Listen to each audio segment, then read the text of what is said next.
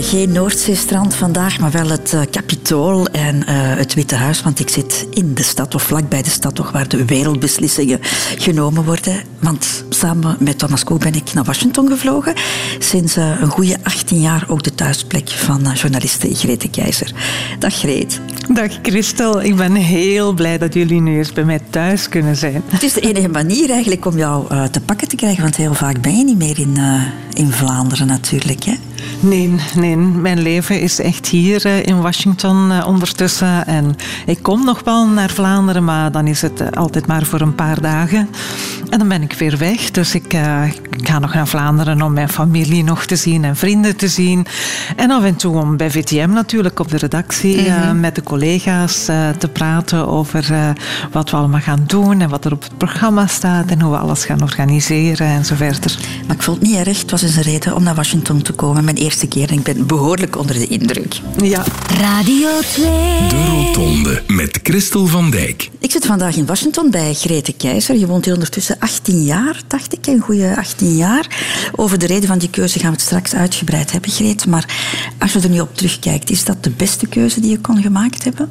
Ja, Absoluut, ja. Volmondig ja. Uh, ik heb er eventjes over nagedacht toen ik naar hier kwam. Ik ben eigenlijk ook gekomen met een contract voor één jaar om hier het verkiezingsjaar te komen verslaan en om het kantoor van de VRT te openen. Over Amerika gaan we het straks nog uitgebreid hebben natuurlijk, uh, Greet. Maar we gaan gewoon de rotonde van jouw leven eens onder de loep nemen vandaag. Dus alle beslissingen die jij daarop genomen hebt. Zie jij zelf een rode draad in alle keuzes die je gemaakt hebt? Uh, dat ik eigenlijk van geen enkele belangrijke beslissing in mijn leven spijt heb. Ik heb altijd mijn hart erg laten spreken in beslissingen die ik nam. Um, ik heb eigenlijk nooit zo. Ik ben niet iemand die jaren op voorhand al een, al een traject uitstippelt van ik wil als kind ik wil dit worden en ik ga dan dat studeren en dan ga ik dit beroep doen en dan ga ik daarmee wil ik daar bereiken. Ik heb eigenlijk altijd ook een stuk zo toeval zijn spel laten spelen en dat is mij nooit tegengevallen. Is er geen enkel criterium waar je aan vasthoudt? Ik, ik, ik heb altijd de dingen gedaan die ik graag wou doen. Ik heb nooit een keuze gemaakt voor geld of aanzien. Ik heb eigenlijk altijd gekozen voor de dingen die ik graag wou. Um, wat ik had van heel snel al was dat ik heel graag reisde dat België heel snel erg klein was voor mij. Uh, en ik ging ook als tiener, um, als ik een jaar of vijftien was, denk ik, voor de eerste keer, ging ik dan uh, vakantiewerk doen. Want mijn ouders die zeiden van ja, als je wil reizen op je eentje, dan mag dat allemaal wel, maar dan moet je maar weten hoe je dat bekostigt. En, en dus ik, ging dan werken. In de zomer ging ik één maand werken. En dan ging ik uh, een paar weken met vakantie met vrienden. Dus als ik het goed begrijp, is avontuur eerder een uitvalsbasis of een uitgangspunt dan zekerheid. Ja, ja, toch wel. Ja, toch wel. En toch ben ik, ben ik iemand die bijvoorbeeld... Ik ga heel graag op reis, maar ik heb ook graag een thuis. Als ik in België was, had ik een, eh, een, zeer aangenaam huis in Antwerpen. Ik heb daar ook altijd heel graag gewoond. En, uh, en hier heb ik alweer een thuis, hier in, in Washington. We hebben hier een leuk huis met een tuin. En, uh, en we hebben het ook zo ingericht zoals we het graag willen. Dus ik kom ook wel graag thuis. Ik ga graag weg, maar ik kom ook graag thuis. Mm -hmm. Je bent een bekend persoon, Greet. Dus jij hebt een Wikipedia-pagina. En daarop staat onder meer dit te lezen. Grete Keizer, Aarschot 1963, is een Vlaamse journaliste voor VTM. Ze was daarvoor gedurende 13 jaar actief als correspondente voor de VRT in de Verenigde Staten. Ze woont in Washington, D.C. Ja, dat is alles over jouw professionele leven. Maar als we echt willen weten hoe jij gevormd bent en geworden bent tot de persoon die je nu bent, moeten we ook even terugblikken op jouw jeugdjaren. En daar vinden we niks van terug. Dus Han Koeken heeft voor een aanvulling gezorgd. Grete Keizer is geboren in 1963 te Aarschot. Papa Jean was ambtenaar en mama Angèle kleuterleidster. En over de kleine Greet komt er niets dan goeds uit de mond van mama Angèle. Die sleepte de hele nacht door en Greet die lustte alles, hè. Maar de grootste eigenschap van kleine Greet was van kinds af haar Zelfstandigheid, hè. melige afscheidskussen aan de schoolpoort waren niet aan haar besteed. Want Greet was zelfstandig en zelfstandige meisjes gaan. Elke dag met de fiets naar school. Ik mocht hen niet naar school brengen. Ze zat vol levenslust en het woord gretig is volgens mama op het lijf van Greet geschreven. Griet, die pakt alles aan. Die heeft denk ik nog nooit in haar leven gezegd, dat kan ik niet. Zoals Grieks-Latijn studeren, dat kon ze. En goed. Maar als zelfstandige meisjes gaan puberen, dan wil het er wel eens heftig aan toegaan, getuigt jongere zus Hilde. Ons Greet, dat was zo, ja, dat was een echte rebelle in haar puberteit. Haar rebelse outfit stelde ze zelfstandig samen, vertelt mama Angèle. Een heel groot soldatenhemd van, van onze papa, dat droeg zij. En dan eh, van die smalle jeansbroeken, die zij dan nog smaller stikte. Zodanig dat dat echt spande rond, rond haar benen en haar, en haar bips. De punkhype had Greet te pakken, maar ze bleef het wel uitstekend toen op school en ging wijsbeheer te studeren aan de VUB. Ook een kot zoeken deed ze in punkstijl, lacht papa Jean. Zij was in, in Brussel, dus op de eh, VUB. En eh, daar stond een huis dat eigendom was van de, van de universiteit en dat onbewoond was. Dan zijn ze dat toch wel gaan kraken, zeker. Ook in Brussel bleef Greet trouw aan haar underground imago, getuigt papa Jean. Zij woonde daar in de kelder. En daar stond een, een enorm grote chauffageketel naast haar. En ze zijn daar verschillende jaren eh, blijven wonen. Koude winters heeft Greet in Brussel alvast nooit gekend. In 1985 studeerde ze glansrijk af als licentiaat in de wijsbegeerte. Onze zelfstandige rebel besloot daarop reporter te worden. Ene Patrick van Gompel kan haar sollicitatie nog goed herinneren. Ja, ze kwam solliciteren bij Omroep Antwerpen. Ze had een, een heel lange bruine jas aan. En ik ben haar achterna gelopen om te zeggen dat ze die job had. Een job en een micro die ze nooit meer zou loslaten. De radio was het begin van een lange vlucht doorheen de mysterieuze nieuwswereld. En de rest is history. Stukje jeugd. Lief, hè? Je hoort ja. zo goed dat je ouders zo fier op jou zijn. Ja, maar ik ben ook heel erg trots op hun. Ja, we hebben een hele, hele goede band. Mijn ouders zijn, eh, zijn eigenlijk meer dan mijn ouders. We zijn ook heel goed bevriend met elkaar. En eh, ja, de afstand die we nu hebben, hè, die, eh, die kilometers die tussen Washington en Aarschot liggen, is af en toe vervelend. En ja, met de, met de jaren die erbij komen, worden die vervelender, ja. Grete Keizer, geboren worden, dat kan men beschouwen, denk ik, toch als de eerste afslag in het leven. Je hebt er niet veel keuze in, eh, je hebt er geen beslissingsrecht in. Maar goed, eh, het gezin waarin dat je opgegroeid bent, is heel belangrijk. Je bent de oudste van twee zussen. Eh, hoe zou jij het gezin beschrijven? Het gezin waarin jij groot geworden bent. Oh, we waren een heel warm gezin. Ehm, mijn ouders waren alle twee ja, vijf dagen per week aan het werk. Mijn papa ging werken eerst in Brussel en dan daarna in Antwerpen. Dus die zagen we eigenlijk niet zo vaak. Ehm, maar voor de rest, eh, in de weekends, eh, mijn ouders waren eigenlijk er altijd, waren er ook altijd voor ons.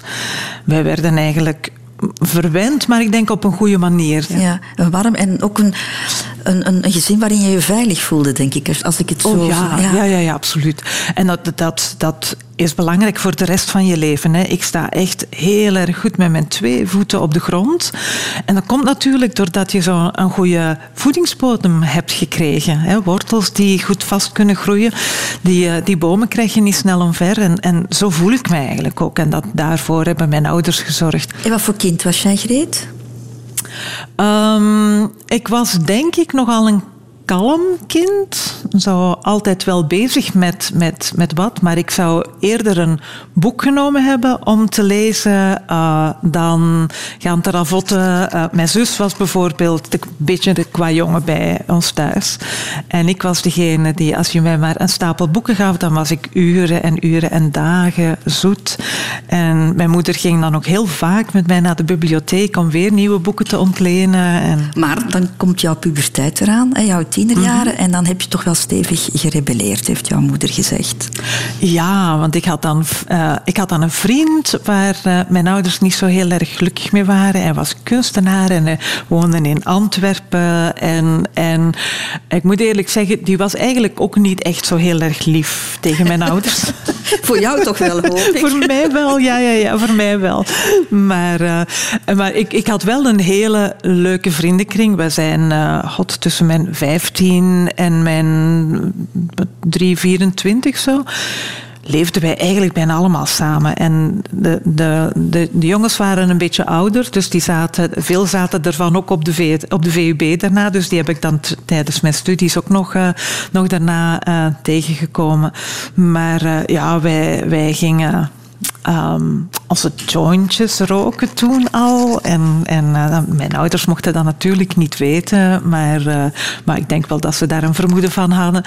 Maar dat, in, ja, in die tijd was dat nog, uh, nog heel erg verboden. Hè. Dat, was, dat was echt absoluut, dat kon niet. Nu een jointje opsteken, niemand kijkt er nog van, van op. Maar toen was dat wel heel erg gedurfd. Dus jij wilde eigenlijk toch wel wat grenzen uh, ah, verleggen, altijd verleggen. Ja, ja, ja, ja, ja. Als, ik, als ik iets ontdekt had, dan was ik al op zoek naar... Oh, en wat ligt er dan achter die volgende horizon? Zo, ja, ja, ja. Zijn er conflicten geweest daarover? Ja, oh ja. En mijn papa was... Uh, die was heel conservatief. Mijn moeder was iets begrijpender. Mijn vader was heel conservatief en die wou, die wou ons een strenge opvoeding geven. Dus ik, wil, ik wou, als ik 16 was, uitgaan tot wanneer ik wilde. En mijn vader zei van, jij komt om 12 uur naar huis.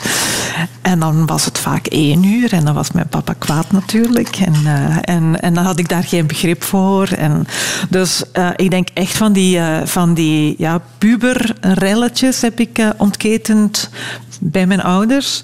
Maar ze hebben dat altijd heel clever opgevangen door mij nooit te laten vallen.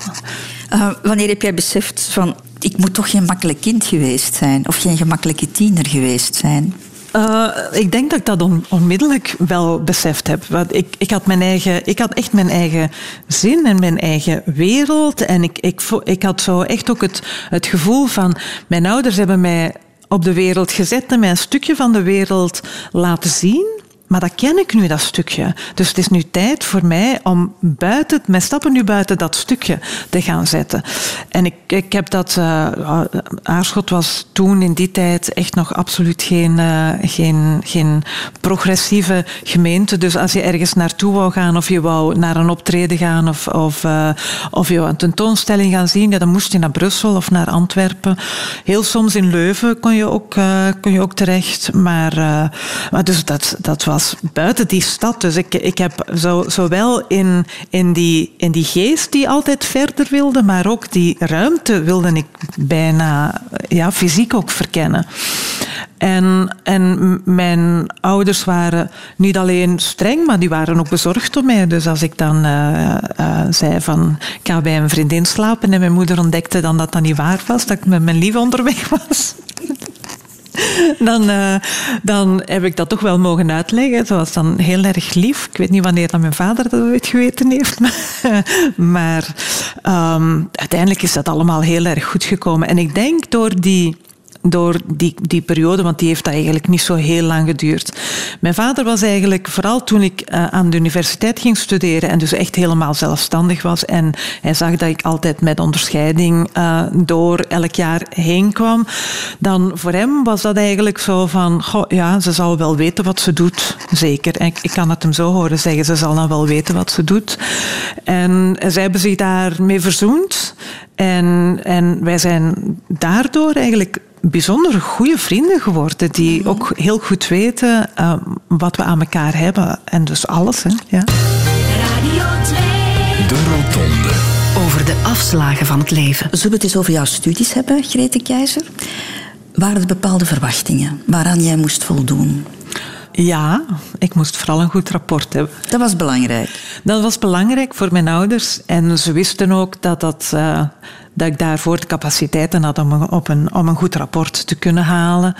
Um, en ik vond eigenlijk die, um, zo, die drive zat er altijd wel in. We zaten, ik, ik zat in een, een klas, in de lagere school bijvoorbeeld, met redelijk begaafde kinderen. En ik, als ik nu nog uh, mensen die ooit les hebben gegeven aan mij spreek, dan zeggen ze nog, nog steeds van die klas waar jij ooit in zat, daar zaten echt wel heel wat mensen in die, uh, die heel erg uh, begaafd waren. En ik vond dat dan toch wel leuk om zodanig met moeite te doen dat ik bij een van de eersten altijd was. En dat was voor mij toch zelf ook belangrijk. Niet alleen om mijn ouders een plezier te doen, maar ik wilde dat zelf ook wel graag. Dus een beetje competitie is jou niet ja, vreemd? Ja, ja, dat is mij absoluut niet vreemd. Nee, dat heeft altijd in mij gezeten. Dat, dat, dat, kan je, ja, dat kan je ook niet meer wegbranden. Dat is zo. Dat is een stukje van mij en dat heb ik meegekregen van bij mijn geboorte. En is dat competitie ten opzichte van anderen of ook ten opzichte van jezelf? Ook ten opzichte van mezelf. Oh, zeker ook ten opzichte van mezelf. Van uh, ja, Greet, dat moet je toch wel kunnen, zeker. Um, en, en op de tanden bijten hè, en doorgaan. En uiteindelijk heb ik zo eigenlijk in mijn job ook veel dingen bereikt door gewoon blijven door te gaan, niet op te geven en te denken van uh, ik moet dat ook kunnen een Amerikaans president interviewen. Iedereen zei van, oh, dat gaat niet. En ik zei, well, ja, kijk, ik ga dat toch proberen. Mm -hmm. En het is me niet één keer, maar zelfs twee keer gelukt. Je studeert dan Latijn-Grieks en je gaat dan uh, later uh, wijsbegeerte studeren. Geen alledaagse keuze, hè? Ik had, al, ik had wat met boeken en ik had wat met taal en ook wat, wat met geschiedenis. Dat interesseerde mij allemaal heel erg veel. Um, maar ik, wou, ik wist echt niet wat ik wilde worden. Je hebt zo mensen die zo weten van als ze twaalf zijn van ik wil kok worden of ik wil schrijver worden of ik wil journalist worden. Ik had dat helemaal niet. En ik heb dan uiteindelijk een richting gaan kiezen waar ik um, in Brussel, waar ik heel veel keuzevakken had en waar ik dus zelf een heel stuk van mijn lessenpakket kon samenstellen. En dan heb ik uiteindelijk in die, uh, in die wijsbegeerte, maar je krijgt dan een basispakket wijsbegeerte, kon ik um, geschiedenis kiezen en kon ik ook wat kunstgeschiedenis kiezen, kon ik um, politieke geschiedenis kiezen. En die dingen heb ik eigenlijk allemaal gevolgd. Mm-hmm. Wat maakte dat, uh, dat mijn interesse voor, voor de wereld, ook voor de internationale politiek, dat ik die meteen al ingevuld zag daar in het, het lessenpakket wat ik, uh, wat ik gekozen had. Dingen waar ik nog later heel veel richtingen mee uit kon, omdat ik gewoon niet wist wat ik wilde doen. En ik, ik had altijd het gevoel, er komt wel ergens iets uit de lucht gevallen wat ik graag wil doen. Dus, en, en dat is ook zo gebeurd. Mm-hmm. Het is wel, als je dat vergelijkt, filosofie, met de job die je nu doet, een totaal een, een, immens verschil. Hè. En toch het, niet hoor. Nee. Christel, echt niet. Nee, toch niet. Ja. Wat je leert als je filosofie studeert, leer je kijken doorheen een soort van taalgebruik wat niemand anders begrijpt heel veel moeilijke woorden. En, en als je Schopenhauer leest of als je Wittgenstein leest, heel veel moeilijke denkideeën, patronen, denkpatronen, die je allemaal moet baas worden, die je moet analyseren, waar je zelf een soort van invulling moet geven. Dus je leert zo eigenlijk omgaan met complexe dingen moeilijke gedachtegangen die je voor jezelf moet vereenvoudigen om ze te kunnen begrijpen, want dat is eigenlijk een stuk van begrijpen, en die je dus voor jezelf ook moet omzetten. En dat doe je als journalist, zijn, zijn eigenlijk heel grote mechanismes. Die moet je samenvatten voor je kijkers, voor je luisteraars, voor mensen die, worden die willen geïnformeerd worden, maar in een begrijpbare taal. En dat is wat je in in de wijsbegeerte, en zeker in zo'n opleiding van wijsbegeerte, echt leert. Dat is wat je proffen je leren om teksten te lezen, om daar de ideeën uit te halen en, en om die te begrijpen, om niet zomaar iets voor, voor waar aan te nemen. Dikwijls zitten er heel veel andere dingen achter woorden, achter, achter teksten, achter beeldvorming. En, uh, en dat leer je bij, als je een opleiding wijsbegeerte ja. doet. En dat heeft mij eigenlijk alleen maar heel erg geholpen. En dat helpt mij nu nog altijd. Radio 2. Over de afslagen van het leven. De Rotonde. Grete Keizer, na jouw studies uh, wijsbegeerte, had je toen al een idee, toen je afgestudeerd was, van dit wil ik gaan doen? Nee, dus ik ben afgestudeerd en um, ik denk twee weken nadat ik ben afgestudeerd, kreeg ik van de RVA, VDAB bestond toen nog niet, denk ik, kreeg ik van de RVA een, uh, een, een, oproeping uh, dat ik uh, een job kon hebben aan het ABOS. Algemeen bestuur voor ontwikkelingssamenwerking. Juist. Ik ben daar, ik dacht van, oh ja, en dat is, dat is internationaal. En heel veel van die projecten van het ABOS waren in Afrika natuurlijk. Heel veel in uh, Zaire en Rwanda en Burundi. Dus jij dacht, ik ga de wereld zien. Ik dacht, ga de wereld zien. Maar ja, ik had wijsbegeerte gestudeerd en ze moesten in het buitenland voor Tabos landbouwdeskundigen hebben en zo verder. En, en ingenieurs, maar met, met filosofen konden ze daar niks doen. Dus mijn kans om naar het buitenland te gaan was zeer klein. Mijn kans om aan zo'n bureau um, om op zo'n stoel vast te groeien was veel groter. Dat was behoorlijk makkelijk. Maar zo zat ik dan weer niet in elkaar. En toen heb jij beslist, dit is niet mijn job. En ben je andere oorden gaan opzoeken? Ja, dan, uh, dan uiteindelijk ben ik... Uh, wel, ik heb dat dan verteld aan, uh, aan Tella Bossiers, die eigenlijk vriendin geworden is, omdat we altijd samen op dezelfde trein zaten. En ik had aan haar verteld van... Oh, kijk, ik, ik weet niet wat ik daar nu verder moet blijven doen. En Della zei van... Je ziet dat toch, je ziet uw tijd daar te verspelen. Doe iets anders. En ik zei tegen haar, ik weet niet wat. En zij zei van, ik zie jou niet anders dan kranten lezen en tijdschriften en buitenlandse kranten en buitenlandse tijdschriften. Waarom ga je niet in de journalistiek?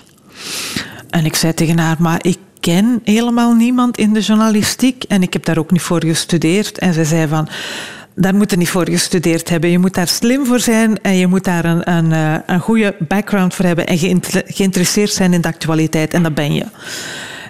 Ik zei tegen haar, ik zei van, en hoe begin ik daaraan? Ah, net zoals je met elke andere job doet, je, pakt, je gaat naar een bedrijf waar je interesseert.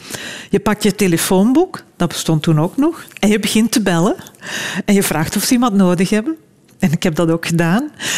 En uh, ik ben beginnen bellen naar... Uh, toen nog BRT, VRT mm bestond nog niet. Um, en ik ben daar terechtgekomen bij het radioprogramma van Mensen en Dingen. En die hadden net iemand die voor heel lange tijd buiten strijd was. En die waren iemand aan het zoeken om, uh, om haar te vervangen.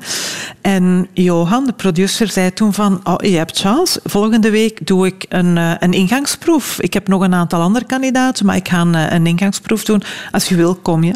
En ik ben ingangsproef gaan doen en de rest is history. Ik ben bij Van Mensen en Dingen begonnen te werken. Radio 2 Antwerpen heb je ook nog gezeten. En dan, daarna, toen, toen, die, toen mijn interim daar voorbij was, ben ik naar Radio 2 gegaan. Ja. Mm En dan word jij gevraagd voor televisie, voor VTM in 89. Ja, Begin nog een klein tussensprongetje bij de Wereldomroep. Dus ik ah, ben nog teruggegaan naar, naar, Brussel. En toen, uh, toen uh, ja, was televisie. Mm Meteen ja opgezegd? Heeft men jou gevraagd trouwens, of heb je daar zelf voor gesolliciteerd? Uh, eigenlijk is het uh, langs twee kanten gebeurd. VTM werd opgericht en waar kwamen al die werknemers van VTM vandaan? Van, Veert, van BRT was het toen nog, van BRT natuurlijk. Dus al die mensen die uh, aan de wieg stonden van VTM, die kende ik allemaal van op de VRT. Of daar kende ik er veel van. Dan W, um, uh, Rudy, oh, wie was er dan nog? Susie Hendricks kwam ook van, uh, van de Wereldomroep trouwens. Uh, die werkten allemaal bij Louis van Dievel was er ook nog. Die werkten allemaal bij, bij VTM. En toen de zender een paar maanden op uitzending was, kwam ik uh, onder meer Louis van Dievel tegen. En um, Patrick van Gompel was toen ook al gaan werken bij, bij VTM. En Patrick had ook al gezegd van ja, maar ja, je moet bij, moet bij VTM komen werken. Dat is hier heel tof. Een serieuze nieuwsdienst. We werken heel erg hard. We moeten opboksen tegen al die vooroordelen. Hè, want uh, helemaal in het begin werd uh, de VTM-nieuwsdienst niet echt voor vol aanzien. En um, ik heb daar dan toch wel een paar maanden over nagedacht. Ik denk een maand of drie, vier heb ik daarover nagedacht. Ik ben overgestapt en ik heb me dat geen moment beklaagd, maar geen moment. Ik zou het eens willen hebben over um, de keuze, jouw keuze om niet altijd het geëikte pad te volgen, Grete Keizer. Dat blijkt al uit de gesprekken die we daarnet gehad hadden. Als jong meisje had, dat, had je dat eigenlijk al, hè, wat jouw grenzen op, uh, opzoeken. Maar ik zou het eens over een heel concreet voorbeeld willen mm -hmm. hebben, omdat dat mij wel fascineert. Het feit dat jij als student in Brussel niet kiest voor een comfortabele kamer, zoals iedereen, maar in een kraakpand gaat wonen. Oh, dat was eigenlijk veel leuker. We waren met toch wel een 10, 12 mensen die ja, goed met elkaar konden opschieten. Uh, en die allemaal ja, die gedrevenheid hadden van... Dat, dat staat hier een prachtig mooi huis. Want dat was een van de mooie herenhuizen op de generaal Jacquelaan. En de VUB doet daar niks mee. Daar, want naast dat huis was zo een, een tweelinghuis en daar zat de kinderdag, eh, het kinderdagverblijf van de VUB zat daarin. En wij zijn daar eens een keertje gaan kijken.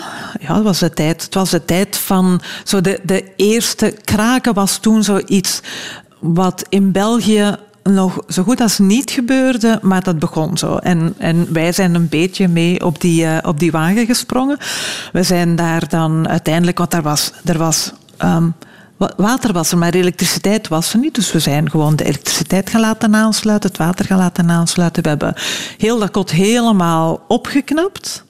Um, we hadden alle twee handen aan ons lijf. Niemand had veel geld. Ik ging toen werken in Antwerpen in een restaurant, elke toch twee dagen per week, om mijn geld te verdienen. Dus ik, ik had zo wat als student, ja, ja, ja, In het vermoeid model aan de kathedraal. Daar ik, mhm. werkte ik twee dagen per week eh, als student. En um, ja, uiteindelijk was dat, dat was zo onze overwinning op die establishment. Want dat was toen de punkbeweging was toen zo wat vechten tegen het establishment. En alhoewel dat de, dat die hebben eigenlijk laten begaan, die wisten dat wij daarin zaten. Die hebben eigenlijk laten begaan, die hebben, uh, die hebben zich nooit echt komen moeien. Die hebben ook geen moeite gedaan om ons daar buiten te zetten. Dus we hebben ook nooit politie aan de deur gehad. Maar wij gedroegen ons. Wij betaalden de rekeningen voor, voor het water en de elektriciteit en wat, dat we, wat dat we ook gebruikten. Wij zorgden dat alles proper was, dat de tuin onderhouden werd en zo. Dus uh, eigenlijk waren wij hele brave krakers. Ik had een groot appartement daar. Uiteindelijk, waar ik sliep, was in de kelder. Dat was niet zo heel erg groot, maar de keuken was op de eerste verdieping. Dat was prachtig. Dat was een, een hele mooie keuken die dan uitzag op de tuin. En dat hadden wij allemaal voor niks. Eigenlijk alleen voor het zweet, bloed en tranen dat we gelaten hadden aan de opkuis en het, uh, het bewoonbaar maken van het pand. Maar dat was eigenlijk veel beter dan om te even welke kot dat je kon krijgen. Mm, maar als ik het zo begrijp, was het geen balorige actie eigenlijk. Er zat een, een, een statement, een, een ideologie. Er zat een statement achter van dat huis was heel mooi en dat stond te vervallen. Daar had tientallen jaren niemand in gewoond. Was nooit gebruikt geweest. En wij, hebben, wij, vonden, wij vonden dat toen een heel erg mooi huis. Ik zou dat nu nog altijd een mooi huis vinden, denk ik. Met heel veel houtwerk en nog hele mooie van die houten parketvloeren die zo kraakten als je erop uh, op liep. En we hebben dat met heel veel respect, voor zo goed als, en zo kwaad als we konden, terug in ere hersteld. En, uh, en uh, geen totale renovatie natuurlijk, daar hadden we de centen niet voor. Maar, maar wel om er op een goede manier, de badkamer was perfect in orde, um, ja, op, om, op een goede manier. En wij deelden, ik denk, één badkamer met z'n twaalfen. Mm -hmm. En dat kon allemaal toen. Dat was dus eigenlijk een, een, soort familiegemeenschap waar je toen Ja, dat was toen eigenlijk een soort familiegemeenschap, ja. En iedereen ging... Iedereen had zo wel zijn, zijn vak in de, in de ijskast, om toch uh, niet altijd voor een lege ijskast te moeten staan. Want sommigen gingen wel vaker boodschappen doen dan anderen.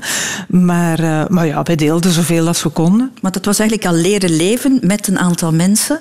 Ja. Hè, regels en regeltjes. Want anders we hadden eigenlijk weinig regels. Alleen respect voor, voor elkaar en respect voor het gebouw waarin dat we waren. En dus er werden wel veel feestjes gehouden, maar niet van die hele wilde um, feesten die uit de hand liepen of zo. En ik was degene die het meest studeerde, denk ik, van het hele huis. En als ik, dan, eh, als ik dan begon te studeren, en ik deed dat dan meestal zo vlak voor de examens, een week of zes voor de examens begon ik goed te studeren.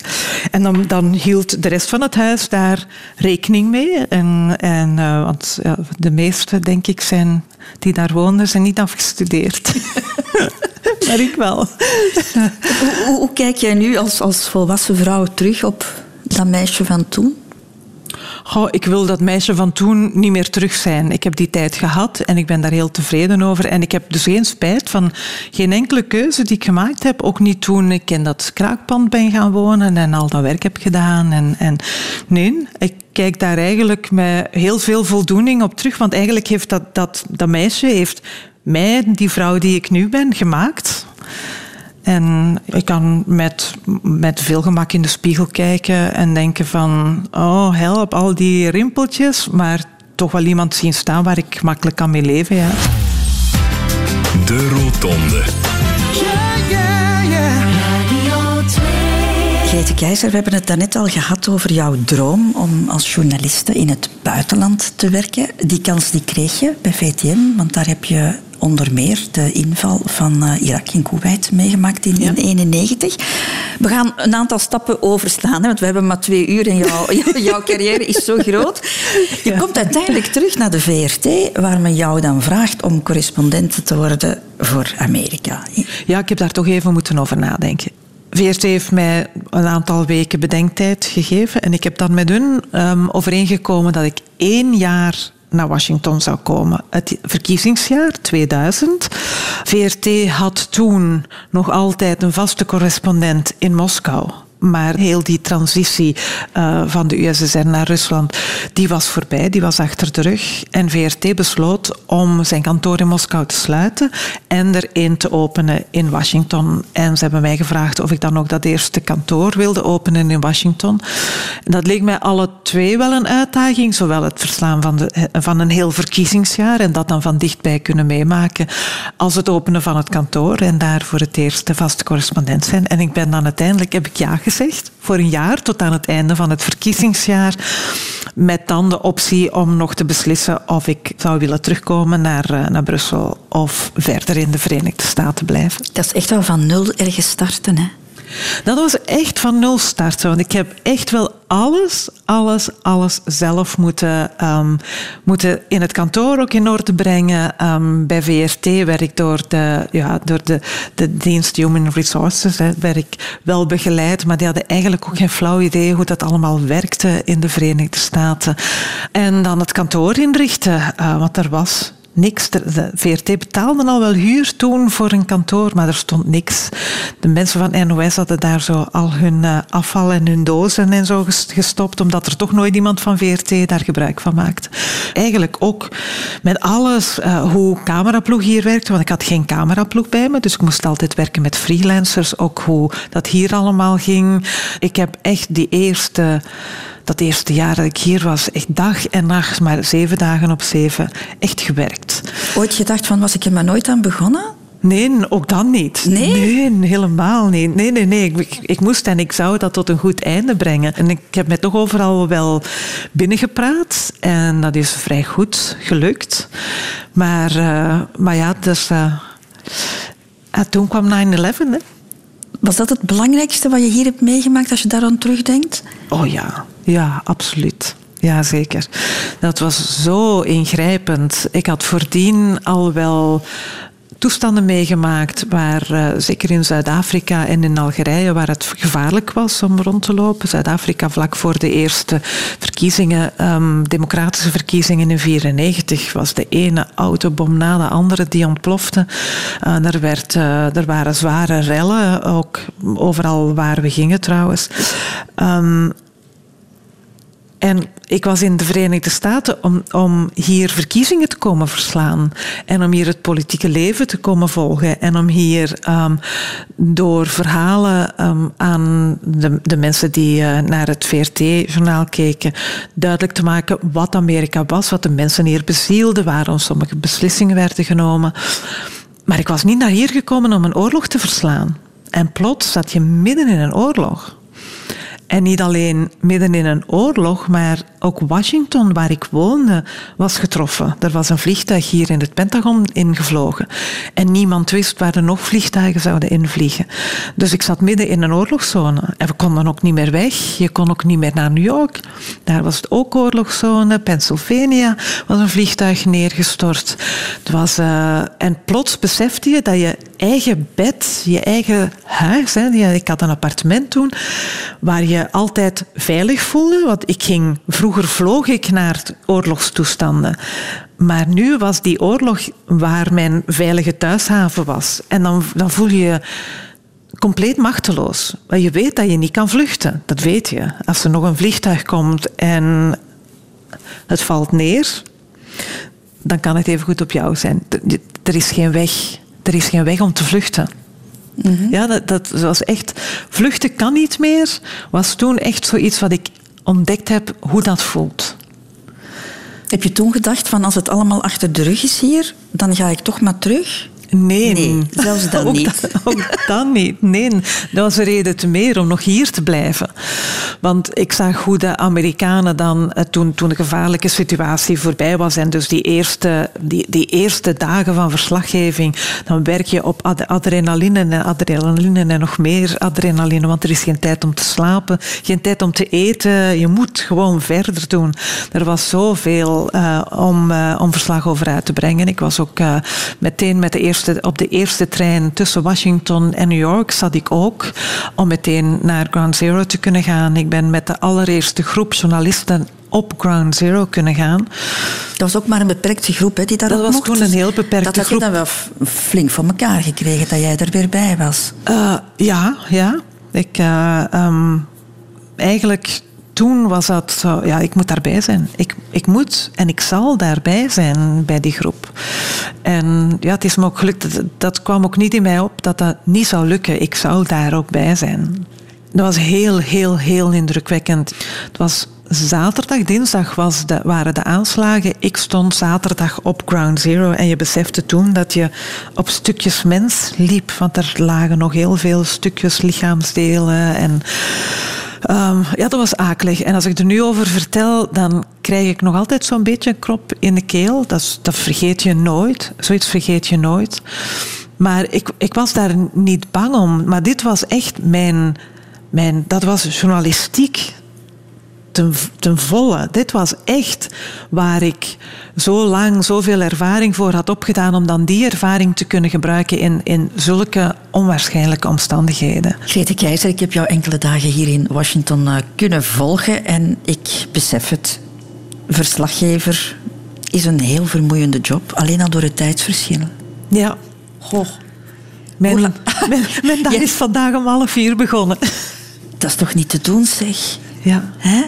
Ook de afstanden die jij ook moet, moet afleggen. Hè? Als er iets belangrijks in een andere staat gebeurt, dan, dan, Dan ga ik naar de luchthaven, eerste vlucht. Dan eh, kijk ik eh, in, eh, bij VTM is er dan iemand die meteen begint, terwijl ik mijn koffertje pak, begint te kijken naar ehm, welke vlucht kan je zo snel mogelijk hebben. En dan, eh, terwijl zij nog de tickets aan het boeken zijn, zit ik al in de Uber op weg naar de luchthaven om het vliegtuig te nemen. Ja.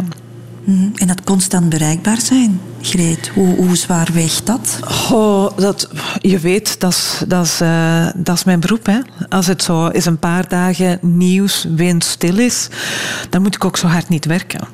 Maar van zodra er nieuws is, maar dan begint mijn, eh, mijn, mijn nieuws-ik helemaal eh, open te bloeien weer. En, eh, en dan kan mij dat eigenlijk weinig schelen. Dan, dan is zo vroeg opstaan eigenlijk niet erg.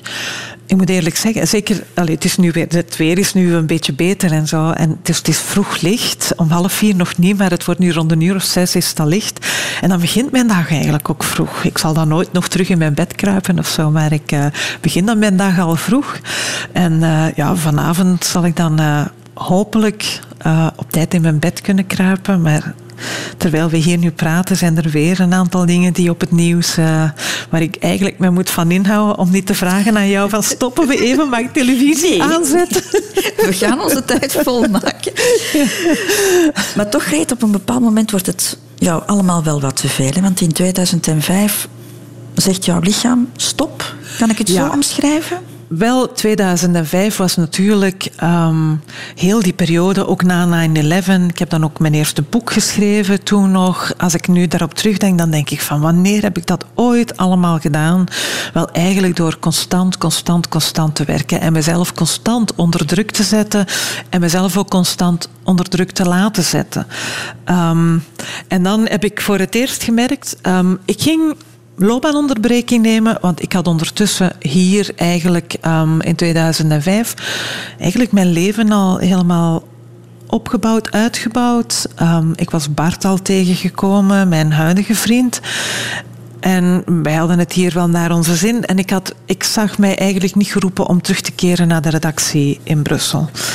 ik ben dan naar de redactie gestapt en Leo Hellemans was toen eh, mijn baas. En, en eh, met Leo heb ik altijd een heel erg goede relatie gehad als baas. En die, ehm, die stond open voor een aantal voorstellen. En ik had dan ehm, ontdekt dat ik loopbaanonderbreking kon nemen. En ik, ik wilde dat ook doen.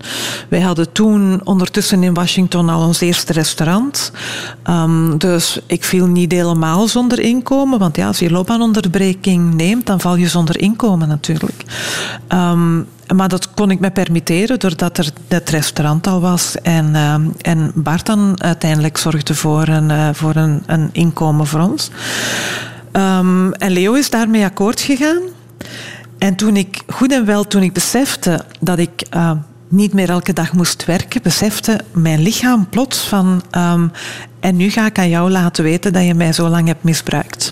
Want en hoe merkte ik dat? Ik kreeg ineens tijd om te lezen en om veel dingen te doen. En ik, ik kon eigenlijk mijn bed niet meer uit. En ik kon geen boek niet meer gelezen krijgen. Als ik aan pagina 12 was, wist ik niet meer wat er op pagina 1 stond. En ik had dat nog nooit meegemaakt. Ik, ik las boeken echt met de, aan de lopende kilometer. Dus ik was in, in, op een bepaald moment werd ik geconfronteerd met, met iemand, met mezelf, dat ik niet kende. Ik was ook tegen niks meer bestand. Ik was altijd moe. Ik voelde mij ziek. Ik voelde mij niet lekker in mijn vel. Um, en, en uiteindelijk ben ik dan na een hele tijd naar de dokter gestapt en er toch eens met hem over gepraat. Het ging ook niet over. En vooral dat niet, dan niet meer kunnen lezen en me niet meer concentreren. Dat, uh, dat, dat stoorde me heel erg en dat maakte me toch ook wel wat ongerust. En die zei toen van ja, dat is eigenlijk is dat uh, een terugslag van al die jaren veel te veel stress op jezelf te zetten, op je lichaam te zetten. En je krijgt er een beetje weerwraak van. Hij zei van, kijk, je moet daar niet meteen iets aan doen. Ik had ook geen volledige burn-out, want dan kunnen mensen echt niks meer doen. Eh, dan zijn ze echt helemaal, helemaal leeg. En ik had nog wel ergens wat, maar ik, ik eh, heb toen wel gemerkt dat ik heel erg lang heb moeten opletten wat ik deed. En uh, moeten rusten en um, niet meer zomaar dagen aan een stuk kunnen werken. Um, ook niet werken en dan nog eens een keer feestjes doen en dan niet slapen en weer eens terug beginnen werken. Dat ging allemaal niet meer. Dus ik heb toen echt zo mezelf een, maar toch wel een half jaar echt rust moeten geven.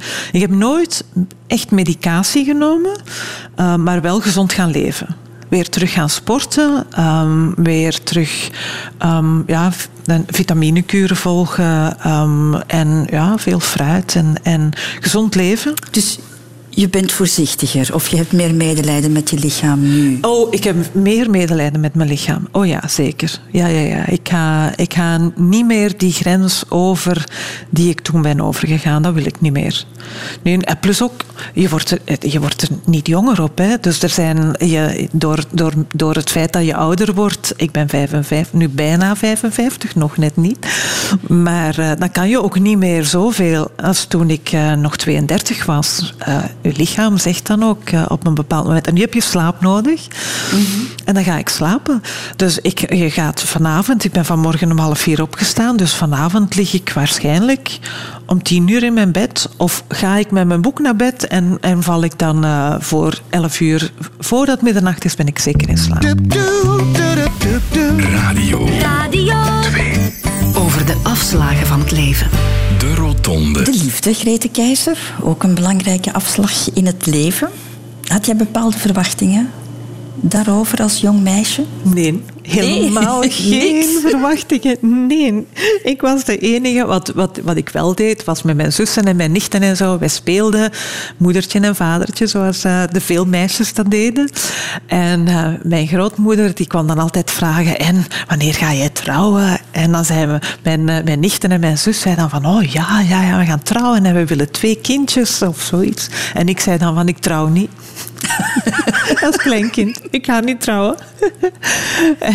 en ik heb eigenlijk ook zo nooit die behoefte gehad om, uh, om te trouwen of om kinderen te krijgen of om een gezinnetje te stichten. Um, nee, dat, ik, ik had eigenlijk een gevuld leven voor, voor de rest. Um, altijd heel veel vrienden en, en vriendinnen. En ik had regelmatig vriendjes, waar ik dan uh, bij sommigen een aantal maanden uh, bij bleef. Maar na een tijdje begon mij dat dan toch altijd te vervelen en dan, uh, dan zette ik die relatie stop. Dus ik had nooit de verwachting van, oh, ik ga voor mijn dertigste getrouwd zijn en een huis hebben en, en op zijn minst al één kind hebben of zo. Nee, helemaal niet. Ik zag dat wel bij mijn vriendinnen die zo, als we dan rond de 25, 30 liepen, die allemaal zeiden van, en ze hadden toen nog niet allemaal een vaste vriend ook niet, want we waren allemaal nogal uh, in mijn vriendinnengroep nogal vrijgevochten vrouwen.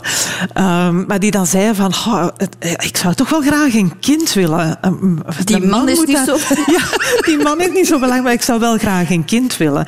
En, maar ik had dat helemaal niet. Ik, wou, uh, ik, ik had niet dat, uh, dat, dat oergevoel, dat vrouwgevoel van ik wil graag een kind. En dus ik heb ook nooit kinderen gehad. En ik ben pas hier in Washington mijn vriend tegengekomen. Heb jij je ooit afgevraagd waarom je dat verlangen niet had? Niet, uh, nee. niet, alleen, omwille, niet, niet alleen dat kind, maar je niet willen binden? Goh, nee dat kwam, dat, dat kwam eigenlijk zo natuurlijk. En ik werd ook nergens anders onder druk gezet. Mijn ouders hebben mij daar ook, die, die hebben zowel mijn zus als mij altijd heel veel vrijheid gelaten in hoe wij ons leven wilden inrichten. Dus er was van, van thuis uit ook helemaal geen druk. Dus ik, ik heb daar nooit bij stilgestaan. Dat was ook geen, geen gebrek bij mij. Dat was in, in tegendeel. Ik kon daarom, uh, als ik het wilde, vertrok ik gewoon naar Parijs of ik ging naar Londen of uh, gewoon maar voor een weekend Ik sprong mijn auto in of ik sprong de trein op en ik, uh, en ik was weg. Je deed dat met, met vrienden of, of vriendinnen. Dus er was niemand die iets van mij verwachtte tijdens het weekend. Of als ik thuis was of als ik niet moest werken. Of, uh, um, en dan had ik nog mijn vrijheid. En die vrijheid was eigenlijk veel belangrijker voor mij toen dan, dan de binding met, uh, met een ja, significant other, zoals ze hier zeggen in de Verenigde Staten. Ja, je zat natuurlijk ook erg veel in het buitenland. Hè? Heel veel in het Midden-Oosten heb je gezeten en in, in, in ja. Afrika. Heeft dat ook een impact gehad misschien op dat gebied? Nee, want die, die twee dingen die, die vloeiden eigenlijk zo natuurlijk samen. Het was niet omdat mijn, mijn baan mij naar het buitenland heeft geleid, dat ik um, pas zo laat een relatie heb gekregen. Nee, dat was ook omdat ik dat wou. Omdat ik eigenlijk niet, uh, niet meteen... Voor mij was dat nooit een prioriteit. En ik dacht ook wel van ooit wie weet, als dat er ooit van komt, dan, uh, en als ik mij daar goed bij voel, maar het moet goed voelen. Het moet er zijn. Ik ga niet omdat, omdat de meeste mensen voor hun 35 getrouwd zijn of samenwonen, uh, mij daarvoor uh, aan, een, aan iemand anders gaan ketenen. Want ik, ik, had ook dat gevoel, want dat is dan aan iemand ketenen. En, en dus voor mij was dat heel natuurlijk. Nee, ik heb dat ook nooit gemist. Ik ben ook niet iemand die makkelijk heimwee heeft of zo. Nee? Ik woon nu ja, 18 jaar hier, meer dan 18 jaar al. En ik heb eigenlijk ook nooit heimwee naar België gehad. Nee, ik ga regelmatig nog terug naar België, dus ik, ik hoef dat ook niet zo hard te missen. En ik heb hier ook een heel gevuld leven. Dus waarom zou je je tijd aanvullen met heimwee te hebben? Nu, je komt rond je veertigste, kom je dan toch de man van je leven tegen, hè? Ja. Bart van Dalen, Vlaming, uh, kok, de man van Belga Café in, in, in Washington. Straf eigenlijk, hè? Dat, dat je naar Washington, Washington, moet komen om hier... Om een Belg tegen ja. te komen. dat had ik van mezelf eigenlijk nooit verwacht. Maar je ziet wel. Ja, kijk... Um, ja, toeval is nu toevallig, dat zal wel niet. Maar uh, wij zijn aan elkaar geïntroduceerd in een Frans restaurant door een Nederlandse vriend in Washington DC. En dat klikte. We zijn eerst uh, jaar, een jaar echt heel erg goed bevriend geweest. Uh, Bart had een vriend, ik was alleen, een vriendin, pardon. ik was alleen hier, ik had geen vriend. En, en dan na dat jaar, de, relatie met Bart en zijn vriendin, die, dat, dat raakte uit. En na een jaar dachten we van, oh, tja, wat hebben we eigenlijk aan elkaar?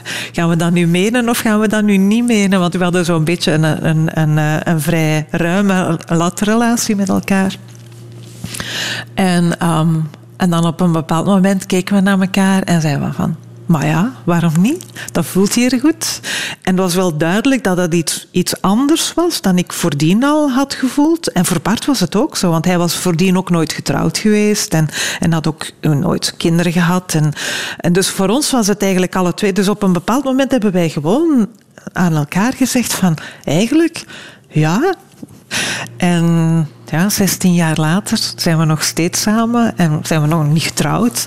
Voor kinderen was het toch al veel te laat uh, voor mij. Dus uh, ja, we hebben wij nu eigenlijk een heel erg leuk leven samen. En dat voelt goed. Dat voelt dat, uh, dat idee dat ik altijd had van die ketens, dat, dat, is, ja, dat, is, dat is helemaal weg. Maar ook dat is heel natuurlijk gekomen. Happy end. Maar nog lang geen einde. nog lang geen einde, nee. Wij zijn ongeveer van dezelfde leeftijd, Grete Keijs. Ik ben twee jaar ouder dan jij. Opgegroeid allebei in een tijd dat de kerken nog goed vol zaten. Zat jij daarbij? Uh, ik zat daar soms bij en vooral omdat ik moest. Want ik ging naar een katholieke um, lagere school. En dan moest je, op bepaalde periodes, moest je echt naar de kerk gaan. Van, vanaf de middelbare school. Dan ben ik naar het ateneum gegaan, dan moest dat niet meer. Ja, maar... Ik vraag het jou, Greet, omdat ik jou al moet meenemen naar eh, de allerlaatste afslag van jouw rotonde. En dat is de dood. Help. Je zit al over de helft, hè? Laten we hopen, ja. ja. Ik hoef geen 110 te worden.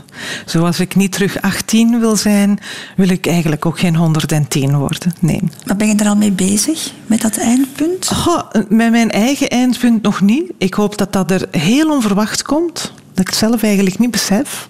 Dat je niet hoeft af te takelen.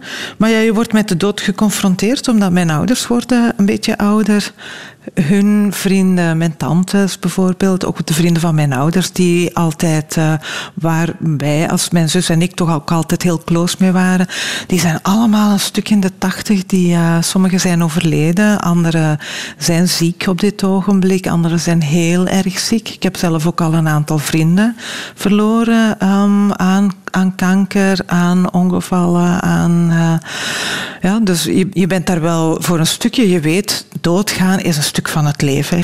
En ik kijk daar eigenlijk ook met die ogen naartoe. Het enige wat ik, wat ik nu heb gedaan is, ik ben orgaandonor. Ik vind dat heel belangrijk. Hier in uh, de Verenigde Staten moet je op je driver's license, op je, op je rijbewijs, dat hier eigenlijk ook tegelijkertijd een soort van identiteitskaart is, moet je laten zetten of je al dan niet um, orgaandonor wil zijn. Ik ben dus orgaandonor. En ik hoop dat ik een zeer humane mag, uh, mag tegemoet gaan. In die zin niet onmenselijk lijden en, uh, en dat ik daar misschien ook mijn eigen zeg kan in hebben. Maar ik, ik heb al toch één iemand uit mijn directe omgeving die zelf het moment heeft gekozen waarop die wilde sterven. Ik vind dat heel moedig. Ik weet niet of ik dat zelf zou kunnen, of ik zelf zo moedig uh, zou zijn. Een van mijn beste vriendinnen hier is een, een, jaar en een half geleden ook overleden aan kanker. Zij heeft het ja, veel verder laten komen, heeft heel hard gevochten. Ik weet ook niet of ik dat zou kunnen. Kijk, dat, dat zijn dingen die je aan de lijve moet ondervinden als het zover is. Op dit ogenblik ben ik nog heel energiek, ben ik nog heel gezond. En, en dat is wat voor mij eigenlijk telt.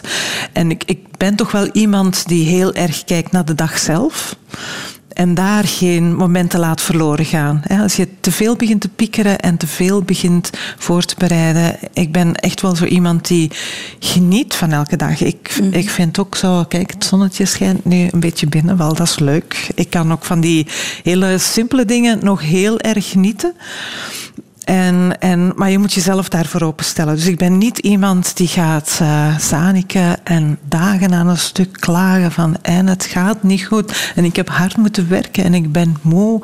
Wel, als je moe bent, dat is een teken dat je hard hebt mogen werken en, en dat je daar... Uh, en dat je het kan. Hè? Dat je en, dat je, kan. En, dat, en dat het kan en dat ik daar mijn, uh, mijn ja, energie heb mogen insteken en dan mijn, uh, ja, mijn emoties heb mogen insteken en eigenlijk ook een soort bevrediging uithalen. Je bent op jonge leeftijd al geconfronteerd geweest met de dood, Greet, want een van jouw vrienden is gestorven toen hij 19 was. Ja. En dat was iemand waar wij um, Geert Leerschool, het was echt een, jongen met een gouden hart. Ook een, uh, een artistiek iemand. En op de Gentse feesten was die, kende hij de mensen van een toneelgezelschap heel erg goed. En hij ging ook altijd naar de Gentse feesten. Hij hield ook van de stad Gent. En aan Geert kon je alles vragen. Die had ook echt, die had handen aan zijn lijf en die kon ook alles. Daar kon je vragen om je elektriciteit te herstellen, je waterleiding. Die man die kon alles. En ik kwam voorbij, um, voorbij waar ze een, op, een opvoering zouden geven. En er was een probleem met een van de lichten op de lichtmasten. En iemand vroeg aan Geert van, oh Geert, zou jij dat nu eens een keer niet willen oplossen? En Geert is naar boven geklommen in de lichtmast. En um, aan dat licht zat een elektriciteitskabel die eigenlijk bloot hing, waar de bescherming van de kabel af was. En hij heeft dat stuk aangeraakt en is naar beneden gevallen en is ge geëlectrocuteerd. Dus het was heel erg plots. En dat was ook voor, voor onze groep van vrienden en vriendinnen, want zijn, uh, zijn vriendin was toen, een hele, was toen eigenlijk mijn beste vriendin. Um, wij zijn allemaal zo... Ja, Anne heeft mij toen gebeld van... Um, ik moet iets zeggen. Geert is dood. En dat was heel, dat was heel, heel akelig. Dat was, uh, en ik heb toen ook echt heel erg hard gehuild. En met z'n allen eigenlijk. We, zijn toen, uh, ja, als vrienden hadden we veel, veel, heel veel steun aan elkaar. Maar toen heb ik heel hard gehuild. Dat was echt iets waar ik nog zo, zo onmiddellijk en, en zo... Je zegt tegen iemand van, ah ja, ik zie jou... Uh, ga jij naar, naar Brussel of naar Gent morgen? Ah, ik zie jou misschien, ik kom ook naar Gent. Ik zie jou misschien wel. En voor, voordat je elkaar kunt zien, is er een van de twee is dood. Ja. Dat was heel erg, uh, dat was heel erg chockerend en dat vergeet je ook nooit, nooit, nooit. Nee. Ja, op die leeftijd 19 was je ook nog onsterfelijk, hè? Oh ja, natuurlijk. Ja, het zou erg zijn als je, als je hier niet onsterfelijk uh, waant. Hè? Want we waren ook allemaal gezond. Er was helemaal niks, uh, niks aan de hand met ons. Wij gingen de wereld verkennen. En, en als we niet gingen verkennen, misschien ook nog overwinnen, wie weet. Maar, uh, maar daar heb ik eigenlijk ook gezien hoe snel het allemaal kan gaan. En dat je je tijd niet moet verdoen aan zeuren en zaniken. Dat, uh, dat elk moment waar, waarop je kan genieten. En ik ben iemand die, ik heb het al gezegd, hè, zo, kan genieten van, van, iets, van iets lekkers, van de zon die schijnt, van, van warmte buiten, van, ja, van, een, van gewoon een, een mooi kunstobject. Uh, we hebben hier in, huis zo wat kunstwerken die ik al zo heel vaak heb gezien. Ik kan daar nog altijd van genieten. Je hebt die gekocht voor een, voor een reden, omdat je ze mooi vindt. En, uh, elke dag geniet ik wel van, van iets. Radio 2. De Rotonde. Grete Keijs, we hebben heel veel over het verleden gepraat, maar er is ook nog wel een luike toekomst natuurlijk. Hè? Wat wil jij nog doen? Nog heel veel. Hier in Amerika? Uh, ja, hier nog in Amerika. Um, ik heb uiteindelijk uh, mijn ontslag genomen bij VRT toen zij beslisten om geen correspondenten meer te hebben uh, in de Verenigde Staten, omdat ik niet wou terugkomen naar België zolang ik nog aan het werk ben. ik ben dan heel gelukkig kunnen beginnen bij, bij VTM, waarvoor ik nu nog steeds werk. En ik ben van plan van nog een aantal jaren voor hun te blijven werken. Die samenwerking is bijzonder leuk, is zeker voor mij heel erg leuk. Um, en ik, uh, ja, zelfs al ben ik bijna 55, ik denk nog lang niet aan stoppen. Um, als het niet in de journalistiek is, dan ga ik misschien wel wat anders doen. Het is voor niks nog te laat, maar ik heb nog veel te veel energie over om uh, rustig op een stoel gaan te zitten en me daar tevreden mee te voelen. Enfin, het is gelukt. We hebben elkaar gezien, we hebben met elkaar gesproken. Het heeft een uh, hele lange tijd geduurd het heeft heel voor het zover was. Maar ik vond het in ja. ieder geval heel erg fijn uh, dat ik jouw gast mocht zijn hier in Washington, Greet. Het is de gewoonte dat de gast iets in het gastenboek schrijft. Eigenlijk ben ik jouw gast, maar goed, ik zou toch graag willen dat jij mijn gastenboek ook een beetje aanvult, als je dat wil doen. Ja, dat ga ik doen. Kijk. Dag Christel. Wat een heerlijk gesprek was dat. En dat helemaal in het verre Amerika, terwijl onze radioroots beide in Antwerpen liggen. Twee leuke uren die hopelijk ook voor jou en je luisteraars aangenaam waren. Tot snel, Grete Keizer.